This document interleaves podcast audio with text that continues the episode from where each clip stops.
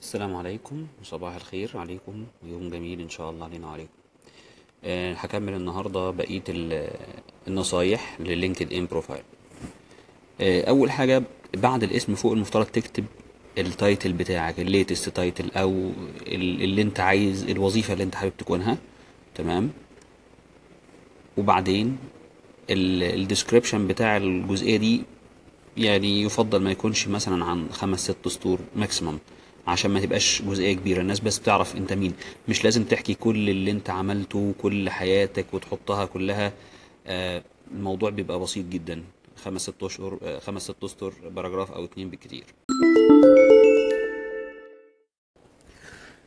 بعد كده آه، في الجزء بتاع ال experience المفترض بتكتب الشركة وبتكتب انت دخلت إمتى الشركة وإذا كانت شغال أو لأ وبتكتب تفاصيل ال title بتاعك أو أنت بتعمل إيه في الشركة دي.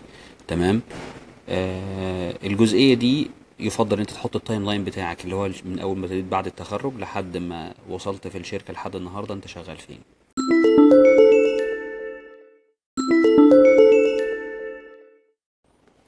بعد كده جزئية المشاريع يا ريت تكتب كل المشاريع اللي أنت اشتغلت فيها تمام؟ وكمان تضيف آه، الناس اللي شغالين اللي اشتغلوا معاك ال team ال team اللي كان شغال معاك تمام؟ وتحط ال URL بتاع ال website أو ال application اللي أنت عملته.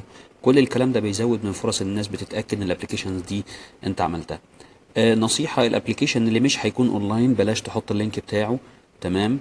عشان الناس ما تتكش عليه وتروح فما تلاقوهوش أو تلاقي ال website واقع أو ال application مش موجود.